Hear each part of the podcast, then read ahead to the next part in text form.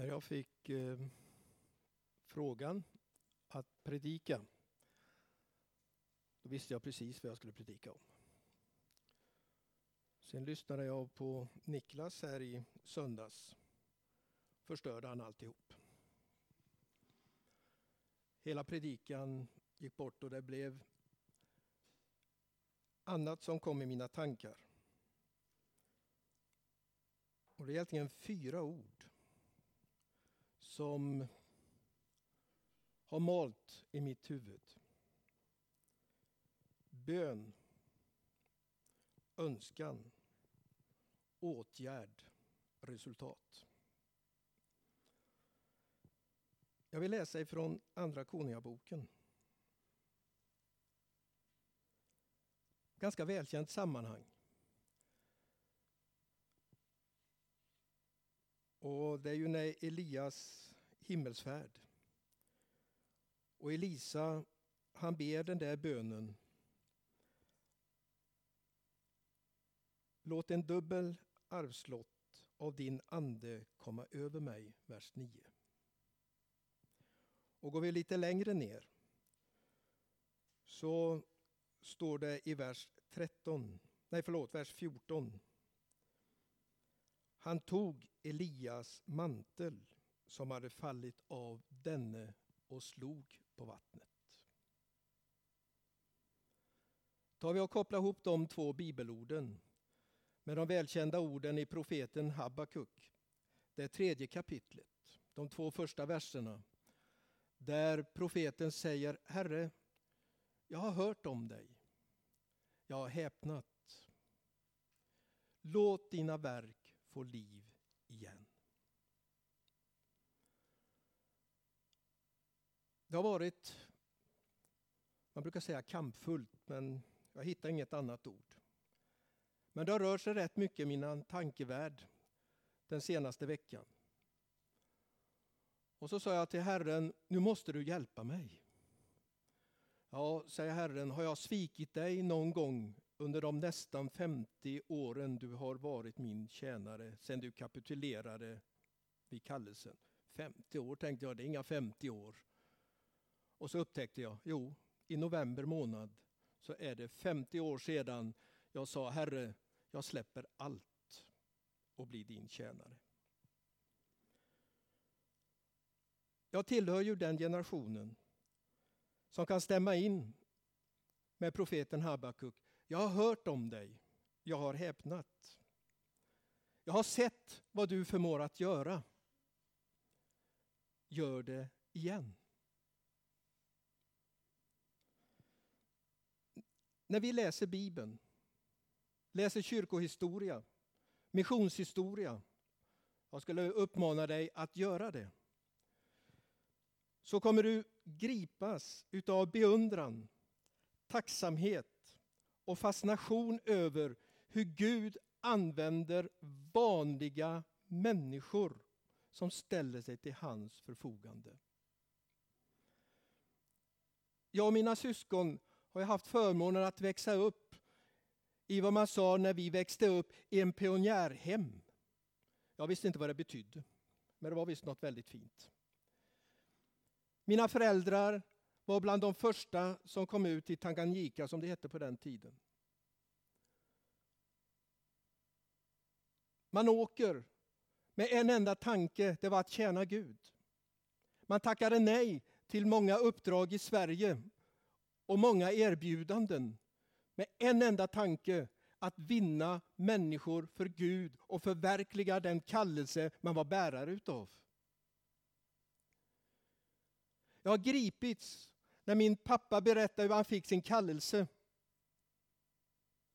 Hur han, när han blev frälst, hade spritproblem.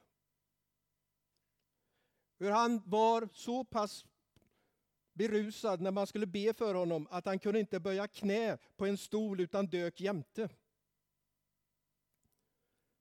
Men hur man bad och han efter timmar i bön reser sig upp spiknykter och går ut och meddelar sina kamrater, kamrater, jag har blivit frälst. Och möts av ett hånskratt. Tiden går och han blir erbjuden att komma tillbaka igen till gänget. Du ska få dricka hur mycket sprit du vill. Vi kommer aldrig att tala om att du har varit en kristen. Vi kommer aldrig mobba dig för det. Pappa berättar, han, ska, han är statadräng och ska plöja med oxar. Han böjer sina knän bakom en buske och så säger han, Gud, händer det inte något speciellt med mig nu, så tackar jag för tiden och går tillbaka. Där blev han andedöpt. Han reser sig upp och upplever att han har fått en kraft han knappt visste vad det var för något. En tid efteråt är han återigen på samma plats och ska plöja. Då förvandlas hela åken framför honom där han ska plöja och han ser en plats han inte visste vad det var. Och Gud säger, Martin, hit ska du. Man åker ner till Tanganyika eller Tanzania. Och man kommer upp på Nisega-stationen där vi kallar för Tre vägar. Så säger pappa, stanna bilen, här har jag varit.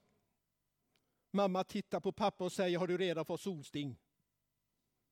Säger pappa, där ligger huvudbyggnaden, där ligger det huset, där ligger kyrkan. Och han pekar ut alltihopa. Och han säger, jag såg det på Göksholms gård i Örebro. Man åker iväg efter ett tag till Puggi och han får upp och jag kan berätta mycket om det här. Jag blir gripen över och jag ställer frågan. Var detta bara en gång? Eller, Herre, kan du göra det en gång till? Svaret kommer. Jag vill göra det en gång till, fast på ett annat sätt. Var låg hemligheten till det här? Hemligheten sammanfattas i ett enda ord. Beroende. Beroende utav den helige Ande. Beroende av bönen. Beroende av församlingar som ställde upp och bad. Beroende av människor som uppe i Sverige var så öppna för den helige Andes tilltal att man bad för dem där nere. Jag var uppe i Timrå och skulle ha möte. Efter gudstjänsten blev jag bjuden till ett hem. Och jag går där och tittar på foton man hade där. Och rätt som det är får jag se mamma och pappa på deras första missionärskort. Mamma är gravid med min stora syster så de har skuggat bilden härifrån och neråt. Och jag står där och tittar på det där kortet så ställer jag frågan till dem. Känner ni de här? Nej, vi gör inte det, sa de. Men det var så att vi 1946 var på en gudstjänst när han, missionärskandidaten, predikade. Då sa Gud till oss, be för dem. Och det har vi hållit på med endast till nu och det här var 1967 eller 68. Vi har bett varenda dag har vi bett för de här människorna. Men vi vet inte vad som har hänt med dem. Det vet jag, sa jag. Gör du? Det är mina föräldrar. Min kära vän, trohet ger framgång i Guds verk. Glöm aldrig det.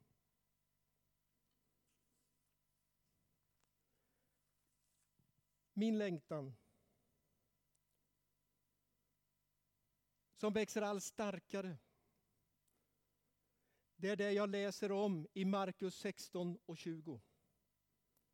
Det står om lärjungarna. De gick ut och predikade överallt och Herren verkade tillsammans med dem och bekräftade ordet genom det tecken som åtföljde det. Jag har sett med egna ögon människor bli frälsta. Jag har sett människor bli helade. Jag har sett människor bli befriade från onda andemakter. Men vet du, jag är inte nöjd. Jag vill se det i stöpen. Jag vill se det här. Jag önskar att när Guds ord predikades, att någon kunde säga, jag blir helad, jag blir frälst. Och då är frågan, hur ska jag få uppleva det här? Hur ska du och jag få uppleva det här? Jag tror att den bönen som profeten Elisa bad är mer aktuell idag än den var då. Ge mig en dubbel arvslott av mina företrädare haft. För ber vi inte den bönen och har vi inte den längtan, då hamnar vi i det som vår fiende bara älskar att vi ska vara. Förnöjsamhet. Det är bra. Jag har vad jag behöver. Jag har den kraft jag behöver för nuet och det räcker. Min vän, vi behöver en dubbel arvslott för att inta nya områden i andevärlden. Vi behöver en dubbel arvslott för att inta och uppleva det vi innerst inne längtar efter. Vi behöver inte ett vidrörande av den heliga Ande. Vi behöver ha stavat på ett ord, jag vet inte om man får säga så. Jag hittar inget annat. Vi behöver en total konfrontation med den helige Ande, där det bara blir den helige Ande och that's it. Men hur ska vi få uppleva det? Då är vi där. Vi läste Elisa tog upp Elias mantel. Jag tog en promenad nu på morgonen och kom att gå förbi vad vi kallar för pensionärshusen. Och så tittade jag på dörrarna. Här bodde Kerstin. Här bodde Sven. Här bodde Margot. Och så räknade jag upp en efter en. Och så sa jag, Gud, vem har tagit upp de bönemantlarna? Kalle och Lilly bodde lite längre in. ligger det mantlar som aldrig har blivit upptagna. Vi hade ungdomarna hos oss, dessa underbara människor, i fredags. Bakades skon, och käkades paj och skrattades och hade det jättetrevligt. Men rätt som det är så säger Guds ande till mig. Det här har du en som jag utrustat med profetisk ande. Där är den jag har utrustat till att förbli ledare i Sion församlingens styrelse framöver. Och så började den helige Ande tala till mig. Jag var tvungen att gå på toaletten och stå där en stund och säga Herre, hur för vi dem vidare? Jag fick ett svar kasta manteln på dem. På samma sätt som profeten Elia går ut och möter Elisa och kastar manteln på honom. Och Elisa förstod vad det var för någonting. Och då ställer jag frågan, Gud, vad är det för slags mantel jag kastar på dem? Vill de ha den manteln? Lever jag så nära dig att de förstår att vi klarar oss inte utan den heliga Andes hjälp? Eller är det så att de säger, bevara mig väl att föra det arbetet vidare? Vi generationer efter generationer har ett stort ansvar för kommande generationer. Man drar sig till minnes Pingstkyrkan Jönköping. Där fanns människor man hade otrolig andlig respekt för. Skånebagaren och Mossberg. Vi kallar honom Skånebagare för han var skåning och så var han bagare.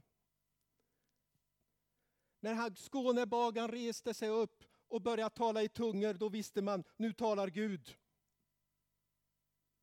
Då var det tyst bland ungdomsgänget. När Mossberg gick upp och uttydde, då var det Gud som talade. Eller när tant Alin längst ner i nedre läktaren, hon satt alltid på golvet ned, där nere, längst till höger, när hon med sin gälla röst började att tala i tungor förstod man, nu talar Gud, nu gäller det att du lyssnar.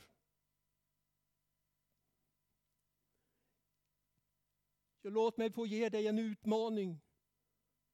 Som min generation, generationen före mig, generationen efter mig. Vad lämnar vi efter oss till nästa generation?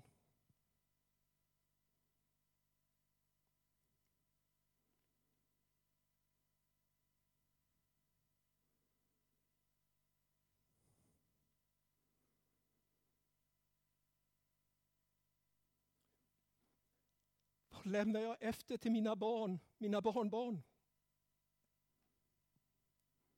Vad är det de kommer ihåg ifrån mormor och morfar? Jo, det var där vi fick äta godis.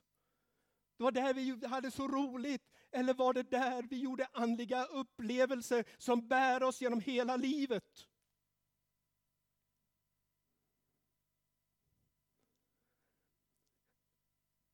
I min själ så skär det som knivar.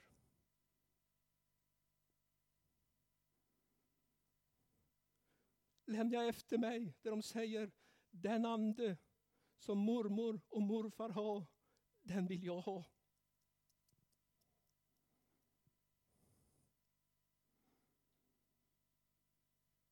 När min mamma dog så talade många av mina syskonbarn.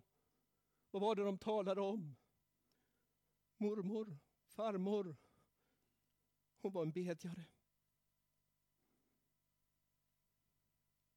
Det var det arvet de kommer ihåg.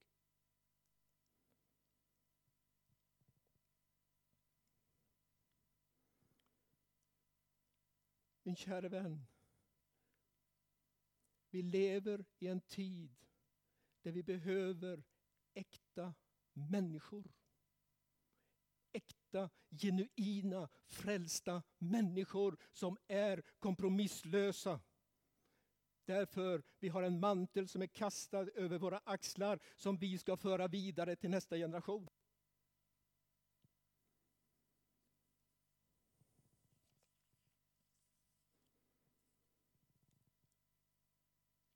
Jag kunde prata länge om det här för det, det skär i mig.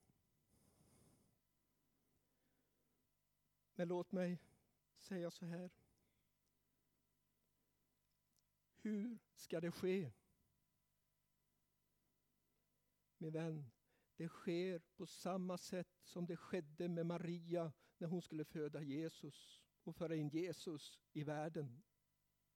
Vad var det? Helig ande ska komma över dig. Helig ande ska komma över dig. Jag har frågat Gud, hur ska det här gå med församlingen? Den församling jag älskar. Så jag har fått samma svar. Helig ande ska komma över er.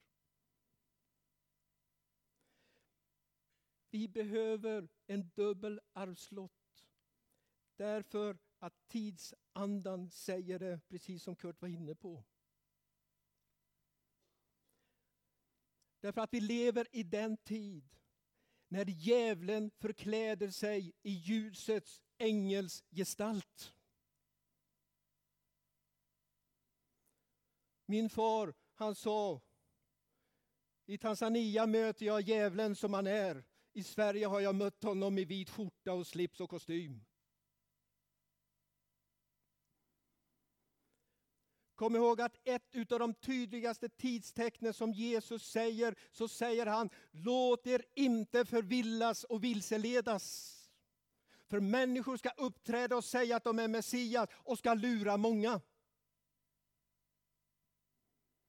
Läs Matteus 7, där Jesus säger att på den, den dagen ska många komma och säga Herre, Herre, har vi inte profeterat i ditt namn? Har vi inte drivit ut onda andemakter? Har vi inte gjort under och tecken? Och då ska jag säga dem som de är. Jag känner er inte. Min vän, vi lever i den tid när djävulen plagierar Guds verk för att lura oss också. Hur klarar vi detta? Herre, ge mig gåvan att bedöma rätt ande och falsk ande och avslöja det falska. Vi behöver en dubbelt så mycket av den helige ande som vi någonsin har haft därför att den onda andevärlden rustar. Och hans stora strategi idag heter anpassning.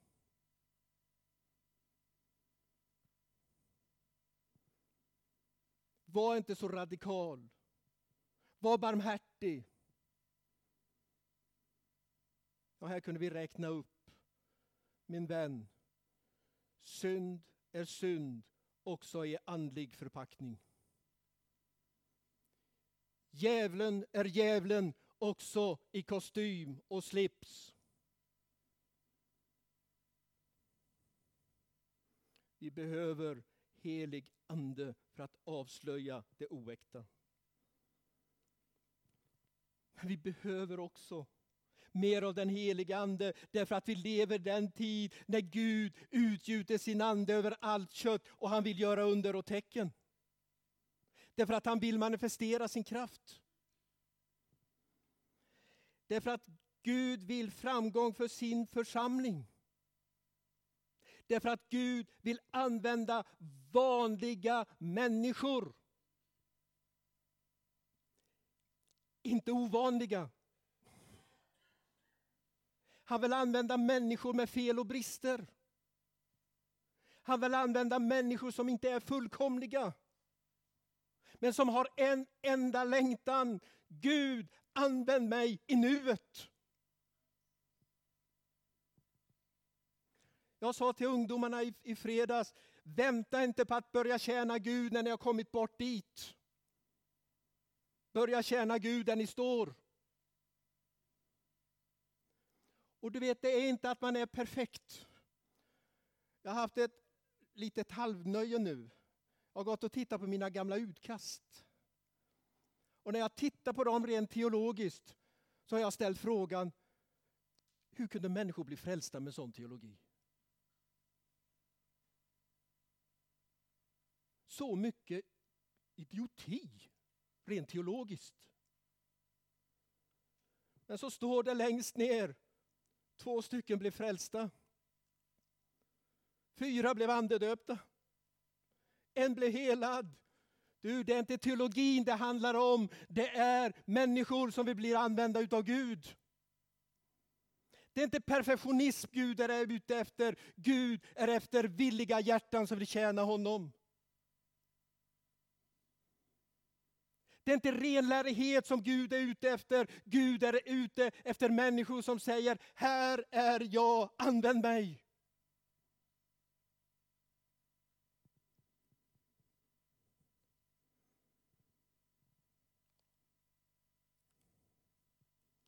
Den stora frågan är, jag ska avsluta med det. Är jag villig att bränna broarna bakåt? Vad gjorde Elisa när han hade fått manteln kastad över sina axlar? Han slaktade oxarna, han brände upp oket. Det fanns ingen återvändo. Man plöjer inte med slaktade oxar.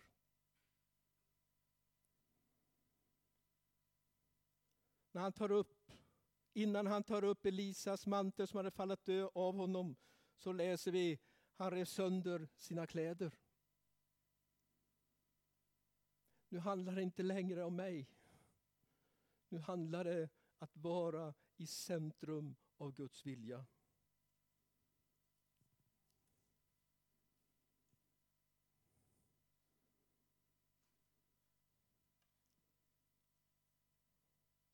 Herre, gör mig villig att än en gång bränna broar bakåt.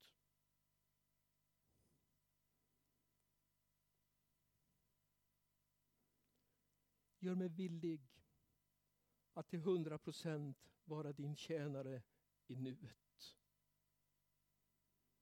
Inte imorgon, inte nästa år, inte när jag blir perfekt. Utan Herre, här, nu.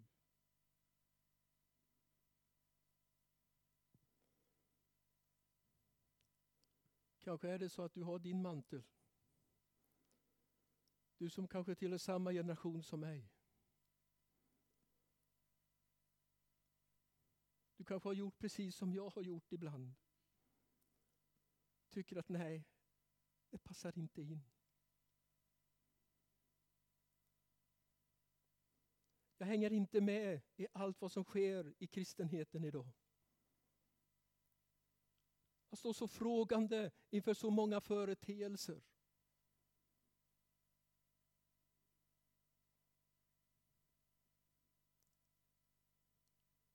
Ska jag ge dig det svar som jag har fått?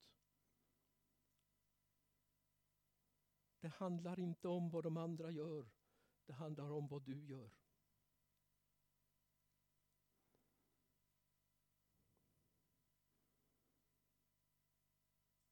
Det handlar inte om hur de tjänar.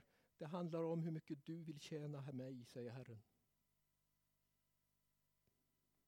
Det handlar inte hur mycket de andra släpper av eller inte släpper av. Det handlar om hur många procent får jag äga utav dig. Herren räknar i heltal. Får han delar blir det bråk, sa en gammal lärare till mig.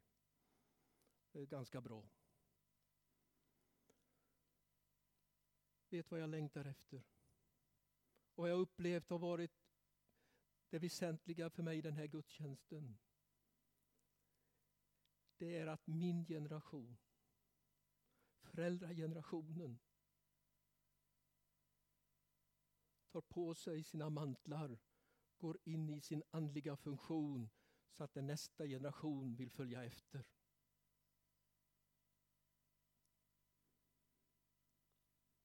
Att nästa generation som idag står och klappar säger den vill jag följa efter. Honom, henne vill jag ta rygg på.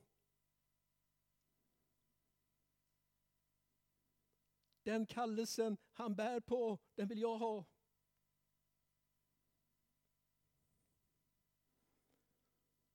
Gud kallar inte bara ungdomar idag.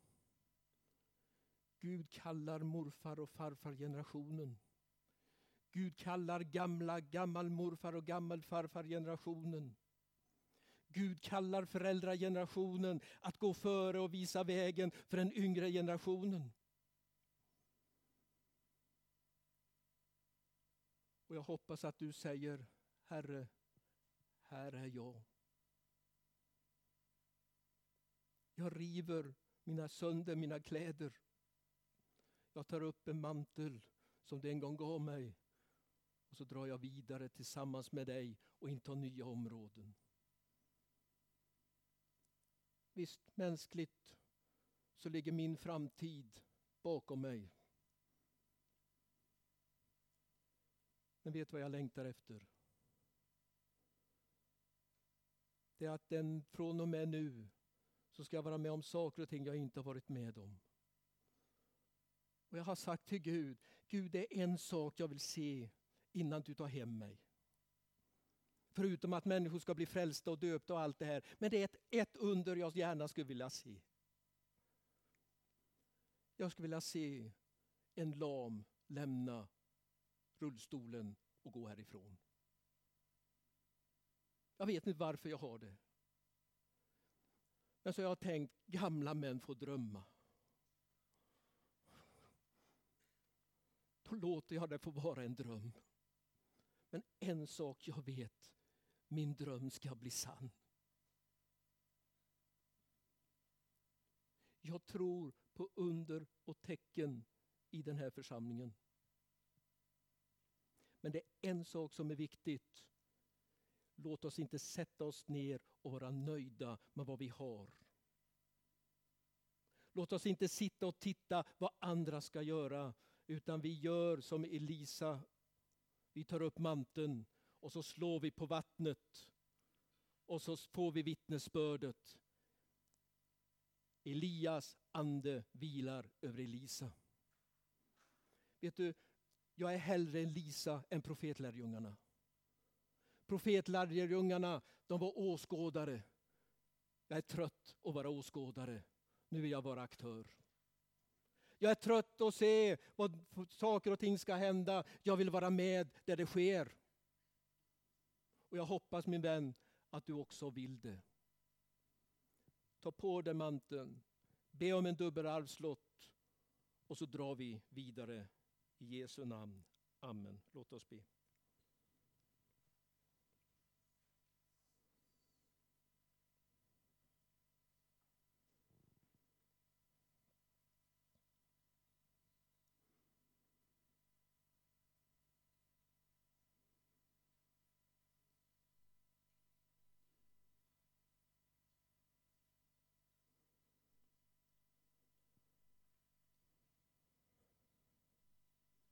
Jag har bett Gud om ett personligt samtal mellan dig och Gud just nu.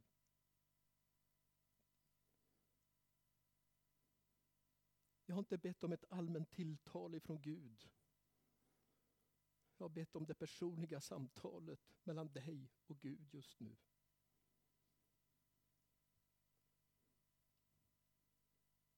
Vi kommer ha förebedjare men jag har känt en sak väldigt starkt. Det är en utmanande fråga. Vad vill du med din framtid? I andlig bemärkelse. Kanske har du kommit upp i åldern. Du har svårt att ha visionen klar. Men min vän, sluta aldrig drömma om vad Gud kan göra genom dig. Om det är 70, 80, 90, 100 år. Sluta aldrig drömma om vad Gud kan göra genom dig. Sluta aldrig önska att Gud kan vilja använda dig. Föräldragenerationen som har så svårt att få ihop vardagen och fritiden och arbete och familjeliv. Tänk om du, eller ni, den här stunden ska säga Herre, jag lägger min tid i dina händer Och jag är säker på att han kommer ge dig kraft att kunna prioritera tiden rätt. Du som kanske har det, eller ni som kanske har det jobbigt i er relation. Tänk om ni ska låta den helige Ande ta hand om er. Ungdomar,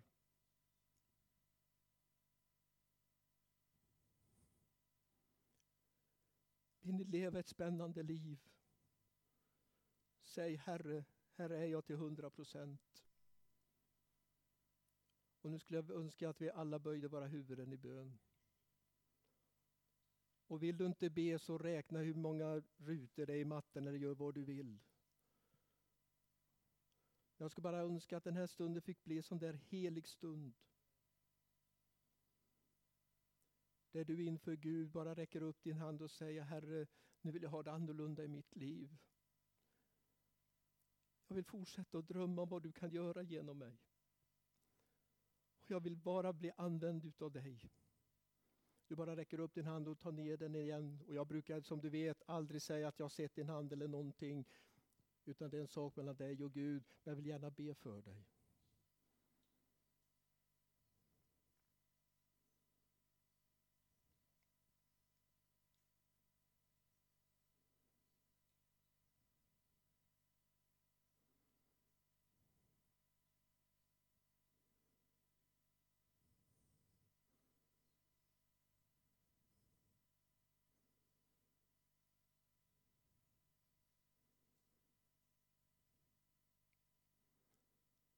Herre, du som läser varje hjärta som en uppslagen bok. Herre, inför dig behöver vi inte dölja någonting. Herre, du vet vad som finns längst där inne. Du vet vad som finns bakom de leende läpparna. Herre, du vet vad som finns bakom de tårögda ögonen. Du som vet vad som finns bakom det oroliga hjärtat.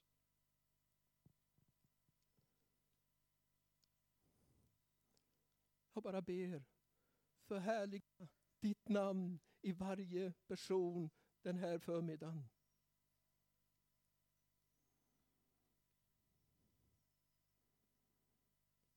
Jag bara ber Herre, möt varenda en som har räckt upp sin hand på den plan den behöver mötas. Jag bara ber Jesus, låt din vilja få ske i Pingstkyrkans döpen som den sker inför din tron den här stunden. Kalla på människor som behöver vidrörandet. Herre, jag ber inte att du ska nudda vid människor. Jag ber om ett genomgripande möte med dig och människan. Jag ber om förvandling. Jag bara ber att det inte ska få bli ett beslut som fattas i en gudstjänst, utan jag ber om ett beslut som märks på måndagen i arbetet, i skolan, hemma. Som möts i vardagen. Och framförallt som märks i andevärlden över stöpen att vi intagit nya områden. Jag ber om ditt namns förhärligande. Herre, jag ber att vi inte tittar på omöjligheterna den här förmiddagen, utan vi säger Herre, i din ande, i din kraft, i ditt namn, så reser jag mig och går den väg du vill jag ska gå. Jag intar nya områden i ditt namn. I mitt eget liv. Herre, jag ber att våra svagheter ska bli vår styrka. Jag ber att våra misslyckanden ska bli erfarenheter med språngbräda framåt för att inta nya områden. Och ber om detta i Jesu namn. Amen. Förebedjarna kommer att ställa sig till ditt förfogande nu och sångarna kommer att sjunga. Varsågoda.